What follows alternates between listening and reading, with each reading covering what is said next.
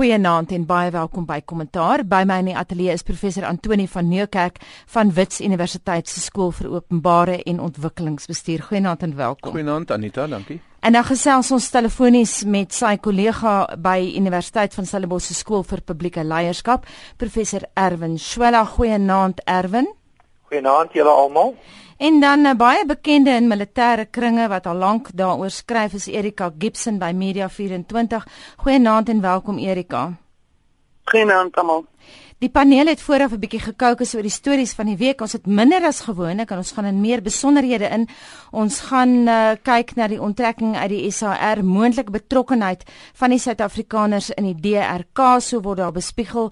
Trevor Manuel se uitlatings oor apartheid en dan eh, 'n uh, groot tameletjie Noord-Korea. Ons gee nie baie aandag aan Noord-Korea nie, maar die land domineer die nuushooftrekke hierdie week. Kom ons begin eers by die Suid-Afrikaners en by die SAR die chart beraad die feit dat ons ons soldate onttrek het. Erika, wat is jou kommentaar oor die hele SAR troep onttrekking? Dit is in hierdie stadium nog 'n bietjie van 'n blur as ek dit sou kan skryf oor presies wat het by die vergadering gebeur en wat die trant van die vergadering was. Wat vooraf duidelik was, is dat Suid-Afrika ons daar voorberei het vir verdere optrede in Sentraal-Afrika Republiek. Dit spreek uit die troep ontplooiing die verskriklike klomp vlugte wat hier uit Waterkloof uit was van uh, Russiese vragvliegtuie met nuwe voorrade en ammunisie en toerusting wat onder meer na Entebbe toe en dan nou ook na Jamina in die ooste van die Kongo toe ontplooi is. Daar was 'n verwagting, daar was duidelike verwagting geweest dat daar verder optrede gaan wees en duidelik was die weermag vasberade dat hy nie nog 'n slag met die broek op die knie gevang gaan word nie. Wat egter by die vergadering self gebeur het en eh, wat daartoe gelei het dat so maar ewe skielike handomkeer gemaak het en gesê het goed nee ons onttrek. Dit is nou as as mens die die die minister van buitelandse sake of internasionale betrekkinge moet moet verstaan iets het daar gebeur. Ek is seker presies wat nie. Maar die feit van die saak is daar's 'n handomkeer of ons het gesê maak julle hier uitkom julle het niks hierson te verloor nie en ons het nou maar gegaan het of Ja. Die feit van die saak is ons is ons is daar uit. Al die aanduidings is is daar dat al ons soldate het eh, die laaste het Vrydag nag hier aangekom. So almal is uit.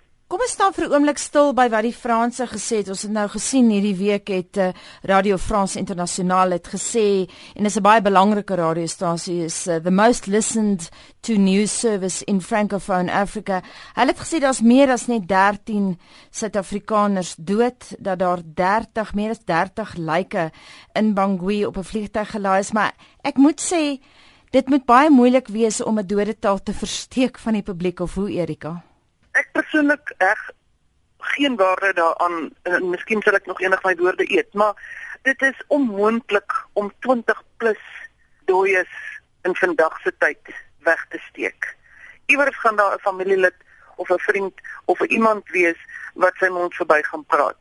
Ek het gister lank met Helmut Reitman ook gesit en gesels oor die die aspek van uh, Radio France is vasberade om hulle punt te bewys. Ehm um, en ek ek aanvaar dit is hulle reputasie wat ook op die spel is. En die enigste slotsom wat ons sou kan kom is dat hulle met die met die laai van die gewondes en so aan dat hulle moontlik ook die uh, jy weet nie net die dooies ge, getel het nie maar ook die gewondes. Ek wil net vinnig daarby stil staan. Ek sien nou Antoni luister aandagtig wat jy sê en dit lyk of hy saamstem. Maar net vinnig na RFI toe terug. Cyril Bensima het gesê dat sy kontak het vir hom gesê dat die ander Suid-Afrikaners dood is in die dorpe van Bangasu, dis aan die ooste en Bohali in die noordweste. Die enigste manier hoe jy hulle daar sou uitkry is van die lughawe op Bangui. Ehm um, want dit is waar die vliegtuig toegelaat is om vanaf te vertrek. Nou ek kan nie vir een enkele oomblik dink dat nog erger dat die weermag van sy dooie sou agterlaat om daar iewers begrawe te word of presies wat met hulle gebeur het, weet ek nou nie. Maar dit is my net 'n totale onrealistiese situasie.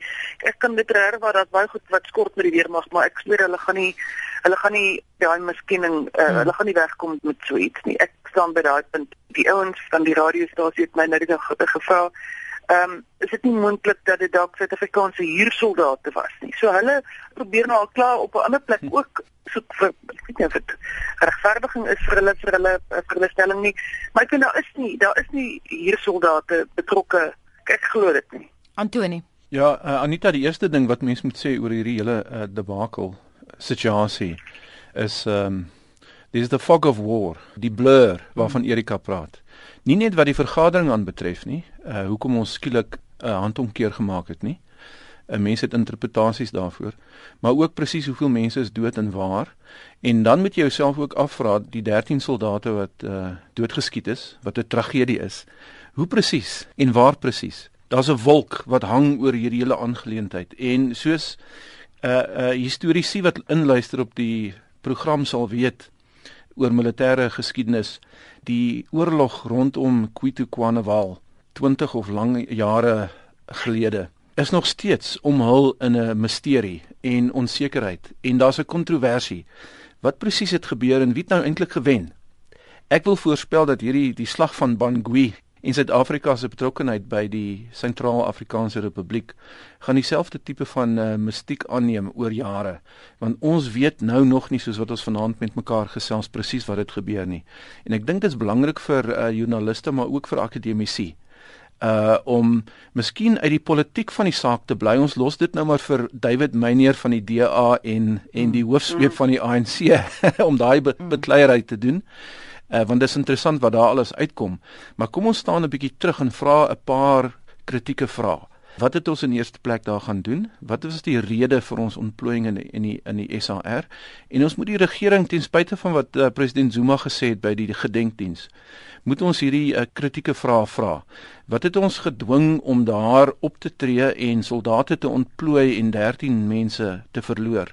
Die tweede vraag wat daarmee saamgaan is tot watter mate is ons verdedigingsbeleid en ons buitelandse beleid in harmonie en werk saam om vir Suid-Afrika 'n duidelike rigting te gee wat sy teenwoordigheid in Afrika aanbetref of dit nou ekonomiese belange is of politieke belange of buitelandse belange soos uh, iemand gesê het president Zuma weer eens ons het gegaan om ons nasionale belang te bevorder en te verdedig mm. vir akademici is hierdie goeters van dieper waarde en ons het bietjie tyd nodig om om te delf oor wat daar gebeur het maar ek moet sê uh, Erika het gesê uh, so 'n throwaway line die weermag het baie foute maar hierdie een van die dooies is nie een daarvan nie mm. ons moet daai foute beter verstaan want as ek vinnig kan bysê Anita, hierdie tipe van ding het voorheen gebeur. Dis nie die eerste keer nie. In 1998, luisteraars sal ook onthou, was daar 'n krisis in 'n uh, in 'n buurstaat in Lesotho. Die eerste minister het vir ons pre, uh, voor 'n uh, uh president gebel acting waarnemende staatshoof mm. wat Buthelezi was en yes, sê reg, ja, ja hier's chaos in my land die mense brand elke winkel af kom help asseblief en ons stuur so 'n uh, 'n intervensie mag in en 'n klomp goed het lelik skeef geloop insluitende klomp mense dood gegaan aan allerlei kante. Mm. En of die weermag en ons buitelandse beleid daai les geleer het, hoop 'n mens, ek is nie seker daarvan nie. Dis nou die tweede keer Bangui in die SAR waar dinge skeef geloop het en nou lees ons op die voorblad van partykoerante die derde een kom nou binnekort sommer binne in 'n maand en dit ja. is die DRK. Die DRK, oos van die DRK. Kom ons gaan vinnig na Erwin toe. Jy het nou gehoor wat Antoni gesê het. Erwin, jy is 'n deskundige op die gebied van plaaslike leierskap en regering. En as mens nou kyk die manier wat die Zuma administrasie die hele debakel hanteer het, ek sien die Sondagkoerante praat weer vandag van 'n public relations disaster. Kommentaar van jou kant af. Ja, weet jy, ek dink dit is baie belangrik om te kyk na die uh, institusionele kapasiteit van die Suid-Afrikaanse staat in hierdie verband. Dit wil voorkom asof ons van die een uh soort van mislukking na die ander struikel. In 'n sekere sin moet 'n mens die vraag afvra en 'n mens kyk natuurlik na die na die president as die belangrikste simboliese verteenwoordiger van die staat, maar terselfdertyd moet mens gaan kyk na al die koördineringskwessies al die aspekte van van ehm um, swak beheer, alle aspekte van intelligensiedienste.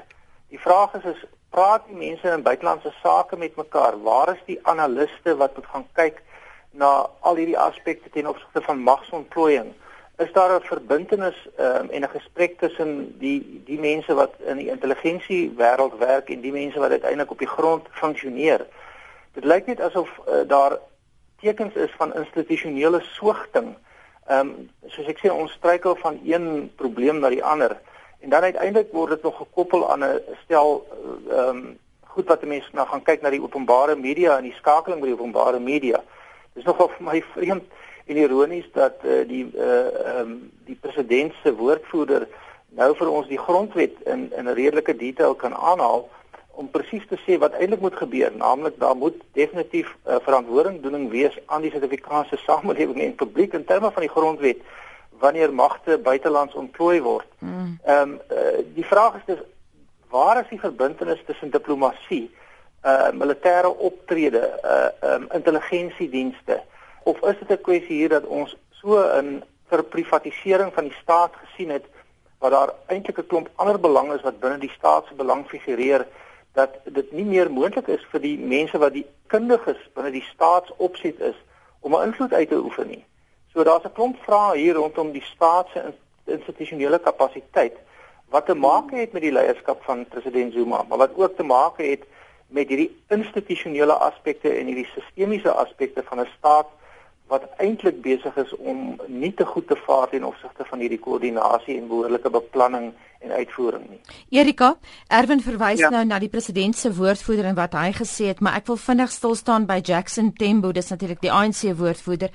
Hy het lelik onderskoot gekom hierdie week uh, veral van die citizens se kant af van 'n hoofartikel Woensdag oor die krie manier waarop hy uh, die gerugte afgemaak het. En ek wil dit aanhaal vir luisteraars wat dit nie raak gelees het nie. Verskoon die krie uit Jackson Matembo het gesê they are pissing on the graves of gallant fighters. Dis baie selde dat mense daai soort van krie uit uh, kry van 'n regeringswoordvoerder en dit uh, hy kon dit sekerlik anders gestel het of hoe. Ek dink dit was my verseker uh, ja, dit was my dit was my baie onsmaaklik geweest ehm um, en, en uh, daar is maniere om natuurlik oor oor 'n ding debat te voer sonder om om tot op daai vlak soort van te gaan. Die feit van die saak is die een aspek wat baie duidelik is en die minister van verdediging het dit nou die dag in die parlement ook gesê en dit moet 'n mens aanvaar is 'n gegewe en hopelik leer iemand daaruit om dit in die, in die toekoms dan nou weer te ontwikkel en dit is 'n gebrek aan intelligensie dit sluit aan by wat Erwin gesê het en dit is waar was ons intelligensie gewees rondom die die situasie in in Sentraal-Afrika hoekom was daar nie op 'n politieke vlak as dit 'n ding is wat op, op meer op politieke vlak gedryf is as op 'n militêre vlak hoekom hierdie politici ons nie gewaarsku dat ons eerder moet maak dat ons daar wegkom nie?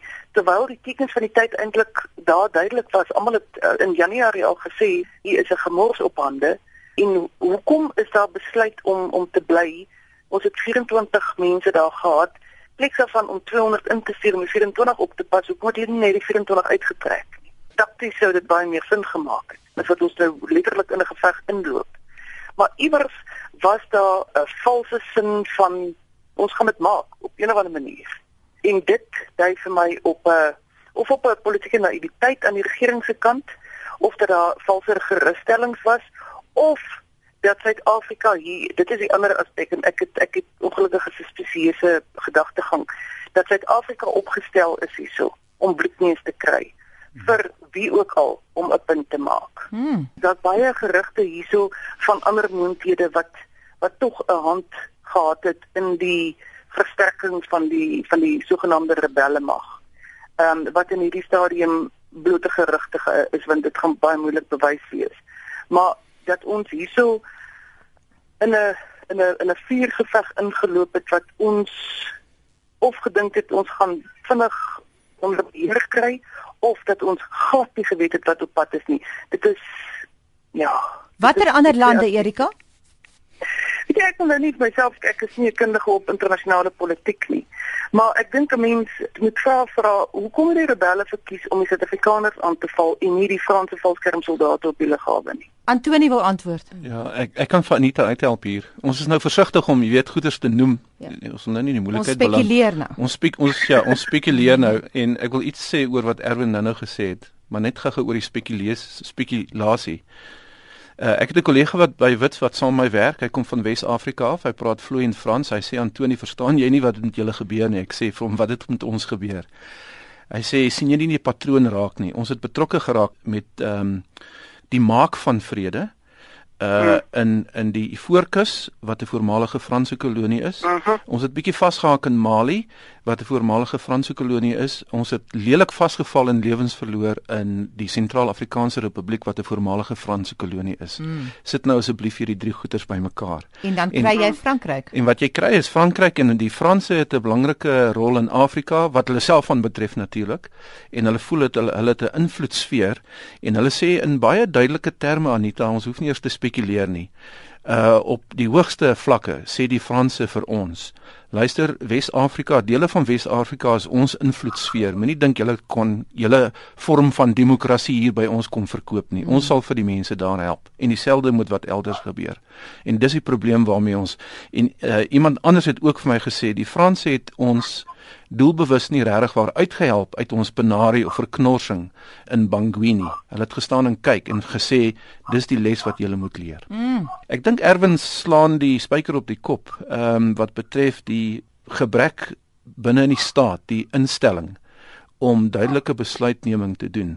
Ek gee 'n bietjie klas by buitelandse sake en by verdediging. En die twee ouens, die twee departemente praat nie met mekaar oor hierdie goeters nie. Ek kan dit nou sê. En ek, dis die vraag wat Erika gevra het. Praat niemand Nee, hulle hulle doen dit nie. Dan wil ek vinnig by sê en so daar's 'n probleem wat opgelos moet word. Dit is, is dringend belangrik.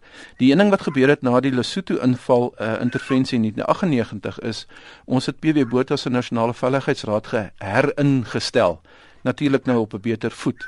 Maar ek weet nie, ek hoor nie eintlik of die ding werklik waar goed werk nie. Mense sal wil hê dit moet, maar dit lyk vir my die president neem die belangrike besluite as dit kom by hierdie goeders. En ek weet daar's daar's daar's mense wat ongelukkig is met die met die kwaliteit van besluitneming onder politici. Ek het geluister na die minister van verdediging 2 of 3 aande gelede. Sy was op ehm um, Africa 360.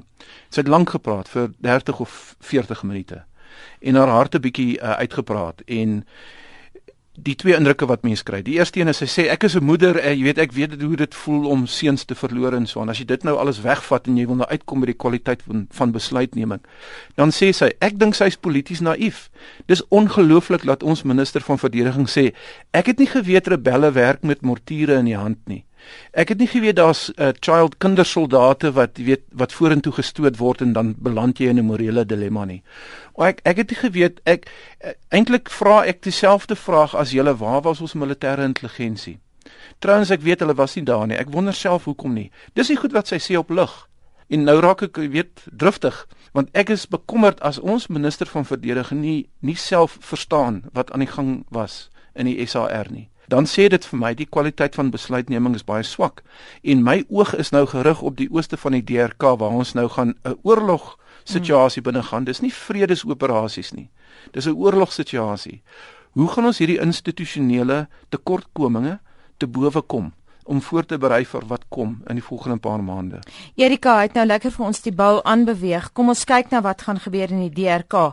Dit uh, domineer die voorblaaie van uh, rapport en City Press is natuurlik susterkoerante vandag. Maar uh, kom ons kyk na die DRK. Ek dink daarso in die eerste plek ek hoop in die eerste plek dat ons ouens vinnig genoeg uh, uh, dat hulle hulle vinnig kan kan leer want daar's ons nie vir baie tyd oor nie hulle praat uh hierdie hierdie mag is veronderstel om Julie uh vanjaar in ehm um, in volle swang te wees. En ons uh wat my amper nog meer bekommer is ons bondgenote wat saam met ons gaan gaan beklei in die die offensiewe gedeelte van hierdie mag. En dit is Zimbabwe en Mosambiek.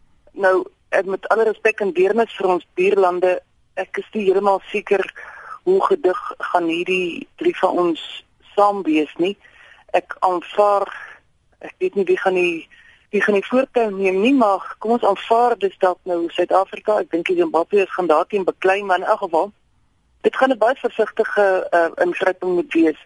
Ons weet dat die uh, dat daar uh, uh, wel ons ons het nie bevestiging daarvoor nie maar uh, my netwerk verseker my die rooi valk helikopters en die helikopters is reeds in die DRK so dit gaan 'n dit gaan 'n mag met tande wees nou gaan ons met nog 'n die, die rooi valke het nog nie offensief aan enige operasie deelgeneem nie. Ons hoop dit werk. Ek het geen twyfel daaraan omtrent dat dit 'n magtige masjien is nie, maar weer eens dit is dit sal die eerste keer wees wat ons dit gebruik En in die tweede plek nou kry ons weer 'n slag met 'n gedigte klomp rebelle te doen. Mm.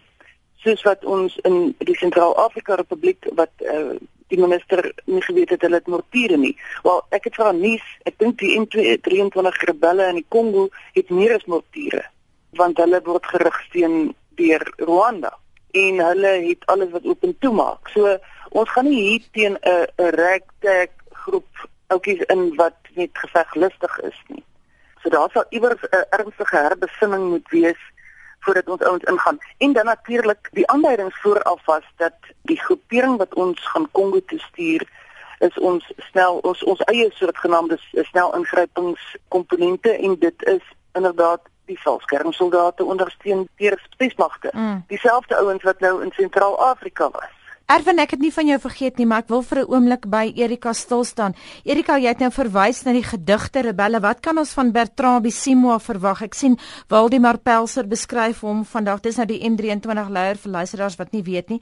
Hy beskryf hom as 'n nuwe generasie rebel wat graag die sosiale media inspann. Nou hy het reeds hierdie week uit Donderdag dink ek, het hy op Twitter gewaarsku dat uh die M23 se weerwraak teen die Suid-Afrikaners sal katastrofies en apokalipties wees. Kommentaar van jou kant af vandag aan ons Erwin toe.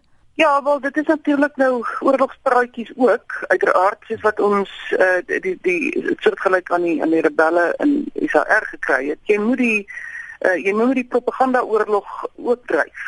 En dit bring my na nog 'n leemte in die weermag. Ek is nie heeltemal seker hoe lekker werk hulle hulle oorlog uh, hulle propaganda masjien want dit was laasweek die Rebecca se se bewind uh, goed geoefen gewees. Mm. Dit werk nie en goed nie. Ek is ek is nie seker of hulle daai aspek en ons nou praat ons van die van die moderne oorlogvoering wat ons in vrye in die Arabiese lente oral gesien het. Daar word oorlog gemaak op Twitter en op Facebook net so hard as wat daar in die mm. strate mm. gemaak word. En daaroor glo ek het ons 'n helse leemte. Erwin, ek is nogal geïnteresseerd altyd Anita in eh, ironiese stellings en ehm um, Jy weet die Demokratiese Republiek van die Kongo is so 'n bietjie soos die Heilige Romeinse Ryk wat nog heilig nog Romeins nog 'n ryk was en die Demokratiese Republiek van die Kongo is nie twyfel of dit Demokratiese Republiek of die Kongo is.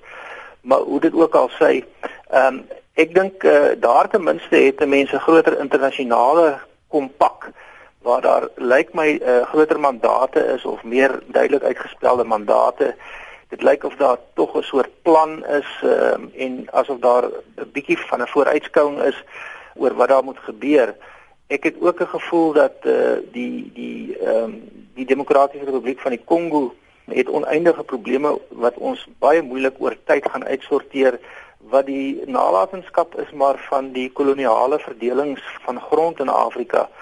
Wat dit betref kan 'n mens gaan kyk na die geopolitiek. Ek is nie 'n geopolitiese kundige nie, maar ek is seker daarvan dat hier 'n nuwe soort scramble vir Afrika is waar mense dan sien dat uh, die Franse hulle invloed weer wil vestig. Maar hulle het groot invloed gehad en en en vir 'n lang ruk gehou. Dit lyk asof dit 'n bietjie getaan het. Hulle wil terugkom. Ons weet daar's 'n uh, Chinese invloed.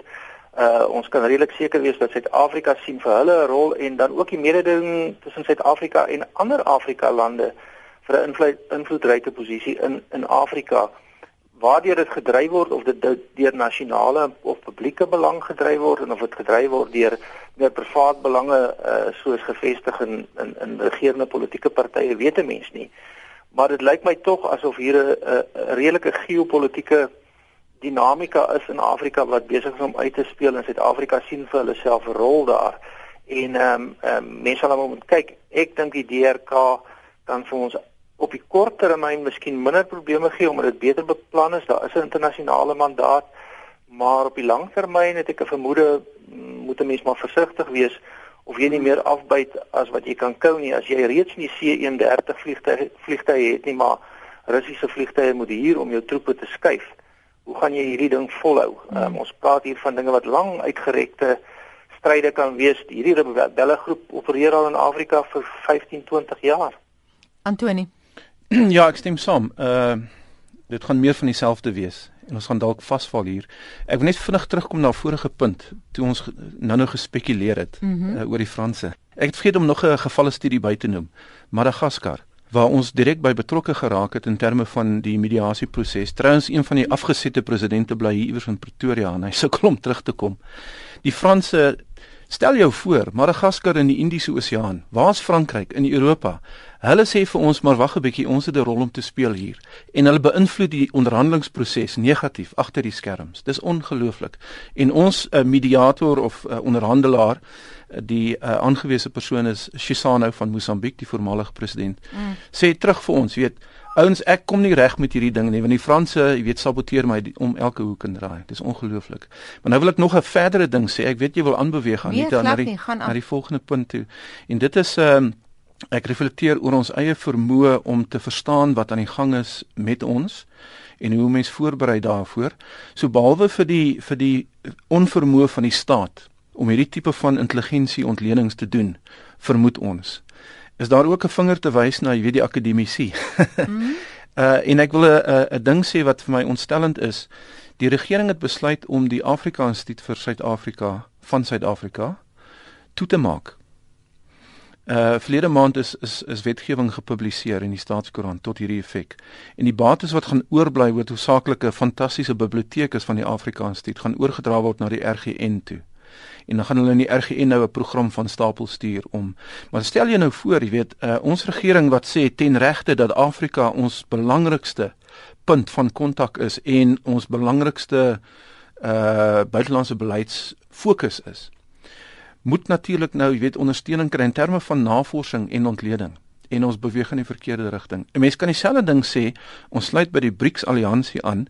Vra jouself af hoeveel instellings in Suid-Afrika is Mandarijn mm. magtig mm. om te verstaan wat is dit wat die Chinese in Afrika wil kom doen. Ek kan nie dink aan behalwe vir Martin Davies, daar by Stellenbosch is daar nie eintlik veel nie. So daar's da, um, ek wys die vinger terug na ons as akademici en ontleeders. Ons baie baie meer doen om te kan verstaan wat ons posisie en rol in in die wêreld is en veral in Afrika.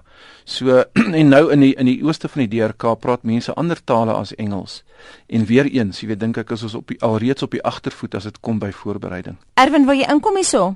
Ja, ja, ek wil net sê Antonie is nou is nou redelik hard op ons akademici, maar mense sou ook dink dat as die state belang by hierby het, sal hy nie die Afrika Instituut sluit nie en dit lyk my daar's 'n groot behoefte aan vergelykbare instellings in Suid-Afrika, denkende, kennisgebaseerde instellings soos die Brookings Institute, soos 'n klomp van hierdie instellings waar daar kennis gekoppel word aan akademiese instellings met 'n mate van onafhanklikheid. So ehm um, ek dink ons akademici probeer wel op ons manier, maar daar is natuurlik ook hulpbron kwessies en ook 'n manier waarop hierdie goed georganiseer kan word en ek dink nie ons is baie goed daarmee veral as ons relatief onafhanklike instituie soos die Afrika Instituut nou gaan sluit nie. Hmm. Vinnige laaste woord hier oor Erika, ons president het onderskoot gekom want hy het basies gesê maar wat het alles te doen met Jan en San publiek. En uh, die Sowetan het donderdag baie sterk hoofartikel gehad waar hulle gesê het the SANDF is not a private entity of the president and his cabinet. En dit was nie die enigste koerant in die staat het te kere gegaan en binneblad kommentaar ook gehad oor uh, dat dat die president nie so iets net kan sê nie want ons is die belastingbetalers. OK, en en nou is dit die militaris in my. Ehm um, ek ek dink 'n bietjie uh kyk hier anders as as miskien jou gewone ou op straat. As daar een goeie ding is en dit sluit nou aan by hierdie kritiek. As daar een goeie ding is wat uit hierdie afgelope 2 weke uitgekom het, is dit dat die hele Suid-Afrika eweskielik weer regop sit en kennis geneem het van die weermag. Kennis geneem het van die weermag se potensiaal, kennis geneem het van die weermag se swakhede. Kennis geneem het ook hopelik van die onregverdige verdedigingsbegroting. Want jy kan nie 'n behoorlike mag in staat hou intelligensie en alles wat oop en toe maak daarmee saam as jy dit as jy nie bereid is om daarin te belê nie. En ek hoop die regering het ook daarvan kennis geneem. Want dit is die een ding wat die militêre skrywers waaronder ek myself eh, as een reken nou al ad nauseam opgehamer het en gesê het maar ons kan nie so aangaan nie. Ons kan nie verwag dat 'n mag wat ons bereid is om 1.1% van ons ons al die BBP in te belê dat hy onbepaald moet goed bly nie. Hmm. Jy moet belê in iets om die vrugte daarvan af te werp. En hopelik nou, ewe skielik, is die belastingbetaler nou deel van hierdie proses en begin hy vra vra oor wat gaan hier aan en wat is die politici se jy kan nie net die weermag oral wil gaan ontplooi en dan nie bereid wees om pa te staan vir die rekening daarvan nie op hmm. alle terreine. Antonie. En ek hoop daaroor is die is die is die algemene publiek ook nou ewe skielik weer soort van op die bandwagon en kan almal nou weer saamgesels oor wat hier gebeur. Antonie. Ja, hierby saam uh, wil ek sê dat ehm um, verlede jaar het president Zuma mevrou Sisulu geskuif as minister van verdediging na 'n ander departement toe en 'n nuwe minister ingesit en saam met mevrou Sisulu het die momentum weggegaan of verdwyn ja. van 'n van 'n verdedigingsoorsig wat beteken die verdedigingsbeleid wat hersien en opgegradeer moet word. Maar die manier waarop Erika die ding nou verduidelik, maak my dink dat daar nou 'n geleentheid is, 'n nuwe geleentheid om weer te dink oor wat die rol van die weermag moet wees en hoeveel geld ons aan hulle moet spandeer. Daai 1.1% kan opgaan na sekerlik na 2% toe. En as ons wil hê hierdie ouens moet ons help uh, met ons buitelandse beleid, dan moet ons vir hulle die vermoë gee om dit te doen. Dis so eenvoudig soos dit. Ja, maar dan moet ons in elk geval ook sê as ons 1.1% spandeer, moet ons ook gaan kyk na die doeltreffendheid, effektiwiteit uh, waarmee dit aangewend word. Uh, my kollega Abel Estreise van die Militêre Akademie uh, Krygskunde Stellenbosch het nou die dag gepraat van uh, die feit dat die weermag ly aan fatigue, 'n vorm van transformational fatigue waar die transformasieprosesse ook 'n rol speel om die vermoë wat daar is nog uh, verder ook uh, aan bande te lê en te beperk. Ons gaan nie vanaand uitkom by uh, minister Trevor Manuel se uitlatings nie, maar ek is seker uh, dit sal weer gesê word. Erika, kom ons gee 'n laaste woord aan jou want dit is nie aldag soos jy self tereg op hierdie program gesê het dat ons die weermag so in die kollig plaas nie. As jy 'n adviseur of raadgewer was, wat sou jy aangeraai het? Wat sou jy nou gedoen het? OK, ek sou in die eerste plek al die rolspelers hier bymekaar gekry het en en 'n 'n behoorlike nabetragtingssessie wou gehad het met almal van buitelandse sake, van die intelligensiediens, van weermag, almal wat hier in dit boeke is om oopkop met mekaar te gaan sit en praat en te, eerstens te praat oor die leemtes. Laat ons op dieselfde speelveld is. Met ander woorde dat almal op dieselfde golflengte ingestel is. En dan moet daar ernstig besin word na wat die duidelike leemtes is. En ek praat hierso van van van ooglopende leemtes. Ons afhanklikheid van Russiese vliegtye om ons troepe te vervoer. Ons afhanklikheid van jy weet dit is seker klein goedjies wat oor hierdie tipe van afstande 'n verskriklike verskil maak. Ehm um, maar ek dink die die as as as 'n mens net eers gaan gaan sit en mekaar in die oë kan kyk en vir mekaar kan sê wat het hier verkeerd gegaan, dat almal kan verstaan wat het verkeerd gegaan. Dan gaan ons al 'n tree in die regte rigting wees. En dan soos die die verdedigingsoorsig, dit is feitelik klaar. Ek is seker Rolf Meyer hulle is baie ywerig om nuwe stiekrag aan hierdie papier 'n stuk papier te gee want dit is wat almal voor bang was, is dat dit net nog 'n stuk papier was en nog 'n nog 'n merkie wat gemaak is. Okay, goed, right, ons het dit nou gedoen. Dis nou klaar. Kom ons begrawe hom nou maar maar dat dit met erns begin word want daar is nie net wat toerusting aanbetref nie daar is wat al die vermoëns aanbetref van die weermag word aangespreek in daai oorsig. Daar is goeie tekens vir positiwiteit ook. Daar was basiese goed wat bewys is wat goed werk. Daar's niks fout met die opleiding van ons spesialiseenhede nie. Ondanks die oormag het ons ouens moet durf en daad uit die stryd getree. Ek dink dit is 'n positiewe punt wat ons uit hierdie ding ook moet aanvashou. Laat daar nie net negatiewe goed uit hierdie slag uitgekom het nie. Baie dankie. Dit is my baie belangrik. Baie dankie laaste woord daar aan Erika Gibson. Sy skryf vir Media 24 en sy hou militêre sake dop. Baie dankie vir jou insette Erika. Baie dankie. En baie dankie aan professor Erwin Swela van die Universiteit van Stellenbosch se skool vir publieke leierskap. Baie dankie Erwin vir jou insette. Dankie. En dankie aan professor Antoni van Nieuwkerk van Wits Universiteit se skool vir openbare en ontwikkelingsbestuur. Baie dankie Antoni. Dankie Anita en goeienaand.